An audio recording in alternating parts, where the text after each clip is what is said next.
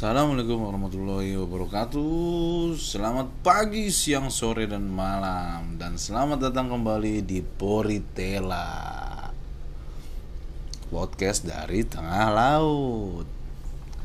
Sebelumnya, isi podcast ini hanya untuk senangan gue pribadi. Dan jangan terlalu banyak berharap ya meni podcast. Dan bagi kalian yang mendengarkan, mudah-mudahan relate sama kalian. Dan selamat mendengarkan podcast kedua ini lanjutan dari episode kedua. Ini lanjutan dari episode yang pertama. Kemarin gue sudah menjelaskan sebagian kehidupan gue latar belakang kehidupan gue dan sekarang gue akan membahas hidup keluarga Batak yang tinggal di perantauan terutama yang hidup keluarga gue yang ada di Tambun ya. Gue besar di Tambun. Di sebuah perumahan yang isinya campur dari suku, agama. Sukunya tuh dari Batak, Sunda, Jawa, Toraja, Padang dan lainnya. Agamanya juga campur. Tapi rukun. Enggak kayak sekarang ini yang beda dikit aja ribut. Ada permasalahan sedikit ribut ya kalau cuma satu dua orang yang sengke sih menurut gue wajar dah. Namanya kita hidup di masyarakat. Tapi zaman itu hampir 95% hidup kita rukun sampai sekarang. Dan waktu gue kecil gue masih ngerasain tuh yang namanya main benteng galaksin gerobak sodor. Galaksin sama gerobak sodor tuh hampir sama ya cuman namanya aja yang beda.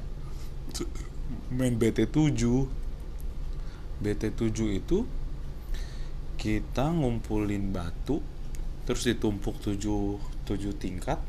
Habis itu kita lempar pakai bola atau pakai sendal jepit. Nah kita jaga. Nah sembari yang jaga harus menumpuk lagi batunya. Setelah ditumpuk batunya itu ya kita ngumpet. Nah itu biasanya yang jaga tuh sampai nangis. Zaman itu ya. Dan gue waktu itu kecil masih sering masih banyak pohon kecapi. Jadi kita tuh sering namanya mohon manjat pohon kecapi tuh sering. Dan zaman itu kita ser pernah gue sama kawan-kawan gue bikin rumah pohon tapi di pohon ceri. Jadi cuman model pakai papan seadanya kita bawa palu ke atas kita bikin rumah di sana ya cuman buat tempat duduk dudukan lah. Zaman itu belum ada yang namanya gadget. Boro-boro gadget. Buat anak kecil lah. Buat anak kecil itu belum ada gadget. Orang tuanya aja belum pada punya HP zaman itu pager kalau kalian tahu. Pager itu cuma buat orang kaya aja yang pakai itu karena ya memang masih barang mahal barang langka waktu itu. Keluarga gue keluarga Batak jelas dong. Namanya orang Batak rata-rata suaranya tuh di, di atas oktav orang lain. Di suku-suku lain tuh biasanya oktavnya di atas itu. Orang Batak tuh suaranya gede gitu. Jadi contoh gampangnya gini. Kalau emak Lela nyari gua pas lagi gue main buat nyuruh pulang makan atau udah mau maghrib. Mak Lela tuh cuman berdiri depan rumah sambil kacak pinggang terus teriak manggil gue Dole pulang! Udah mau maghrib! Misalnya begitu. Padahal gue main lumayan jauh tuh jadi di dekat rumah gue tuh ada lapangan. Ya dari rumah gue ke lapangan tuh sekitar 200 meter. Gue main di lapangan. Emak gue teriak depan rumah. Tapi itu kedengeran sampai ke lapangan. Coba lu bayangin deh tuh. Dan lucunya pasti temen gue pada bilang dol dol dol malu udah manggil tuh. Nah yang anehnya lagi emak-emak temen gue yang lain kagak manggil anaknya karena sudah dimakilkan sama mak Lela. Kalau emak gue udah teriak berarti itu semua anak-anak bakalan pulang. Jadi emak-emak yang lain kagak bakal manggil anaknya karena sudah merasa diwakilkan sama emak Lela. Zaman itu. Coba dah lu bayangin gimana tuh?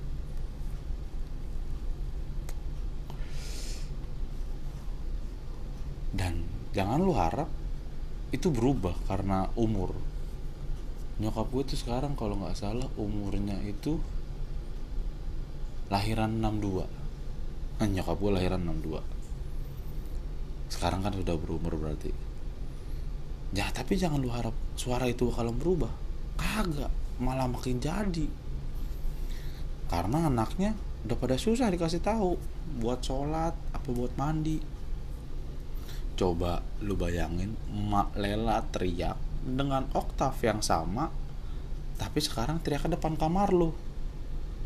Nah, lu bayangin dah tuh teriakannya kayak gimana. Nah itulah mak Lela. Mak Lela tuh lebih lebih lebih lah untuk teriak sama anaknya. Beda halnya sama Babe Ipin. Kalau beliau lebih pendiam. Gue dulu mikirnya tuh doi galak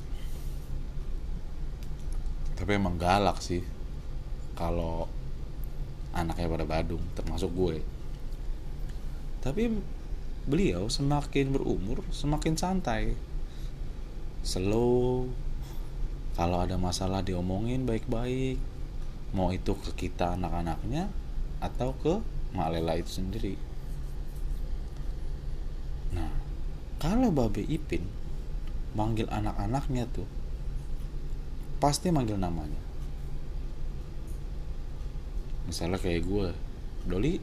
Nah, atau dia karena sekarang gue jadi abang gue dipanggil bang abang. Hmm, pasti gitu. jarang dia manggil jarang dia manggil gitu. Pasti manggil nama nama anaknya. Doli Anggi. Nah, tapi kalau emak Lela tipe emak-emak Batak yang tinggal di Tambun. Jadi emak Lela ke gue atau ke adik gue lebih santai. Manggil gue sih ke ke gue abang. Kalau ke si Anggi adek tapi kebiasaan kalau Mak Lela lagi ngobrol berdua nih dari salah satu kita berdua salah satu anaknya pasti dia manggilnya lah lu lu lu lu gitu. Contohnya udah makan belum lu? Mandi sono lu udah siang. Jadi gue sebagai anak terutama gue ya jadi gue sebagai anak merasa akrab sama Mak Lela. Begitu juga adik gue dan teman-teman gue dan teman-teman adik gue yang pada main ke rumah. Pasti mak gue mak Lela tuh bakalan kayak gitu lalu lalu aja. Contohnya ya udah makan belum lu pada? Kalau belum makan sono no beli nasi padang. Nah gitu. Contohnya kayak gitulah. Oh iya. Bang Hakim itu meninggal 9 Desember 98 dia meninggalnya kecelakaan pas lagi pulang sekolah. Tahun 98 itu gue kelas 2 SD mungkin udah hampir berapa puluh tahun ya. Hampir 18 tahun ya. 18 tahun yang lalu dia meninggal. Tapi apa yang terjadi waktu itu gue masih ingat dengan jelas ya mudah-mudahan Bang Hakim diberikan tempat yang terbaik di sisi Allah Subhanahu wa taala. Amin amin.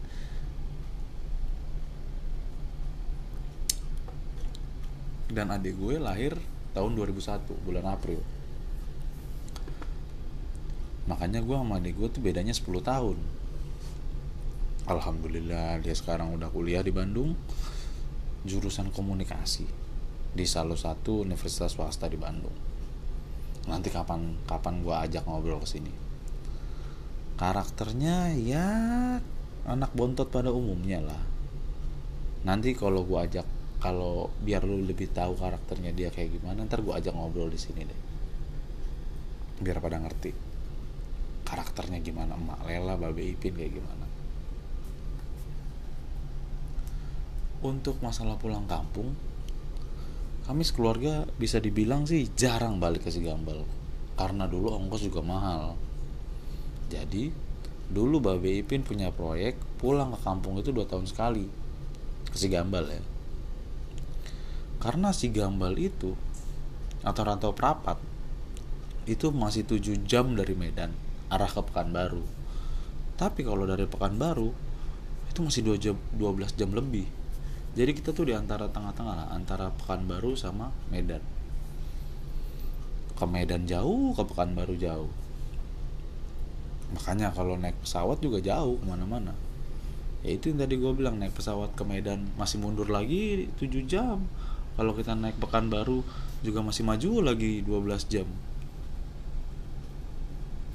Tapi semenjak membaiknya kondisi ekonomi kami mulai anggi lahir kayaknya. Itu jadi kita lebih sering pulang kampung. Karena ekonomi sudah membaik dan di Sigambal semua keluarganya Babi Ipin sama Mak Lela masih di sana. Jadi kita purely cuman kita aja yang di Jakarta. Dari satu ini ya satu keluarga inti ya. Jadi Mak Lela adik-adiknya ya cuman Mak Lela doang yang di Jakarta Babe Ipin adik-adiknya juga cuman Babe Ipin doang yang di Jakarta. Orang tuanya Babe Ipin juga alhamdulillah masih komplit. Opung Bau sama Opung Haji. Oh iya untuk orang yang nggak tahu Opung Bau itu nenek. Jadi kita manggil nenek di sana Opung Bau dan Opung Haji itu kakek gue. Dan mereka alhamdulillah dua-duanya masih pada sehat walafiat mudah-mudahan mereka panjang umur. Kalau dari Malela opung enggot. Yang terakhir. Opung enggot itu kakek ibokapnya Mak Lela itu yang terakhir. Beliau meninggal sekitar 2 tahun yang lalu. Kalau nyokapnya Mak Lela gue dari lahir juga nggak pernah ketemu nyokap kandungnya ya gue nggak pernah ketemu. Karena udah lama meninggal. Kalau kata Malela waktu Malela masih gadis juga sudah meninggal. Tapi fun fact-nya rumah emak Lela sama rumah Babe Ipin itu seberang-seberangan di Sigambal. Jadi kalau ada orang bilang pacaran lima langkah itu ter pacaran lima langkah itu gue percaya kan ada orang bilang pacaran cuma lima langkah. Itu lagu dangdut kalau nggak salah. Dan gue percaya itu karena terjadi sama emak bapak gue sendiri. Bener-bener seberangan cuman beda berapa rumah cuma nyebrang jalan doang. Jadi kalau kita pulang kampung ya gitu ya rumah nenek rumah nenek opung opung dari bokap sama opung dari nyokap itu depan-depanan. Jadi kita bisa sekaligus jadinya jadi nggak perlu harus oh tahun ini ke rumah nenek dari mama tahun depan ke rumah nenek dari bapak. Enggak. Orang kita sekali jalan langsung ketemu tuh dua-duanya. Gitu. Hidup keluarga Batak itu yang tinggal merantau ada enaknya ada enggaknya. Enaknya nama kita harum di keluarga karena mereka taunya kita hidup enak aja di Bekasi. Padahal malah gak tahu aja gimana perjuangannya Babe Ipin sama Malela karena ada yang bilang gue pernah dengar jauh wangi dekat bau. Nah tapi ada juga nggak enaknya. Nggak enaknya kita harus bisa survive sendiri di perantauan. Apa pun yang terjadi ya kita cuma berlima di sini oh iya gue selalu bilang kita berlima karena menurut gue bang Hakim itu masih ada. Cuman beda alam aja makanya gue selalu bilang berlima. Sekarang berenam karena gue udah punya bini. Nah gitu. Ya kita mau seneng susah ya kita berlima yang ngerasain di Bekasi. Waktu itu gue belum nikah jadi kita ngomongnya berlima ya sekarang. Dan ada kalimat yang sampai detik ini gue pegang teguh dari Babe Ipin. Beliau pernah bilang sama gue Dol jangan pernah berharap bantuan dari siapa pun kecuali Allah. Mau itu dari opung atau dari siapa pun. Lu bisa harus survive hidup belajar yang bener usaha yang halal cari duit buat hidup jangan pernah bergantung dengan siapa pun. Sampai detik ini sih itu yang gue pegang teguh apa yang obak apa yang Babe Ipin ngomongin ke gue. Karena gue percaya dan yakin itu benar. Karena gue dididik dari keluarga yang benar-benar survive hidup sendiri di Jakarta. Dan gue lihat dengan mata kepala gue sendiri orang tua gue tuh gimana caranya survive dan gue sebagai anak yang hidup dari lahir di perantauan itu kebawa ke gue sekarang. Kalau pelajaran hidup banyak gue dapetin dari Babe Ipin. Karena beliau dari SMP sudah ikut sama orang. Walaupun orangnya ini masih saudara adiknya nyokapnya Babe Ipin. Adik laki-lakinya nyokapnya Babe Ipin. Omnya Babe Ipin lah. Kalau gue bilangnya Babe Ipin itu panutan hidup. Kalau dari Malela gue belajar banyak bagaimana caranya hidup di perantauan. Mulai dari kasih sayang sosialisasi sama tetangga dan selalu bilang gak apa-apa tenang aja. Bisa kok pasti bisa. Dan itu kesabaran Mak Lela ngadepin hidup itu yang gue jadi contoh buat gue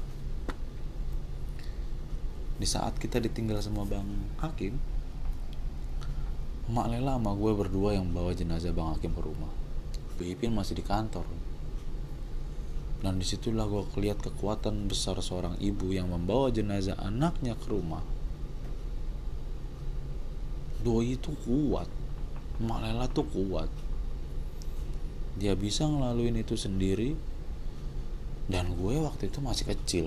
Anak kelas 2 SD belum bisa ngapa-ngapain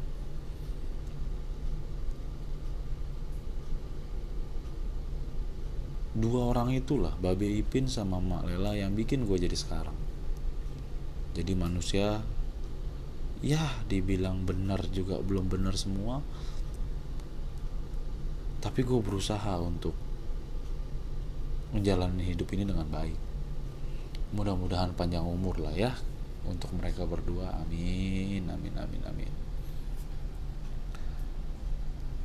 Setelah 98 tiga tahun kemudian Anggi lahir.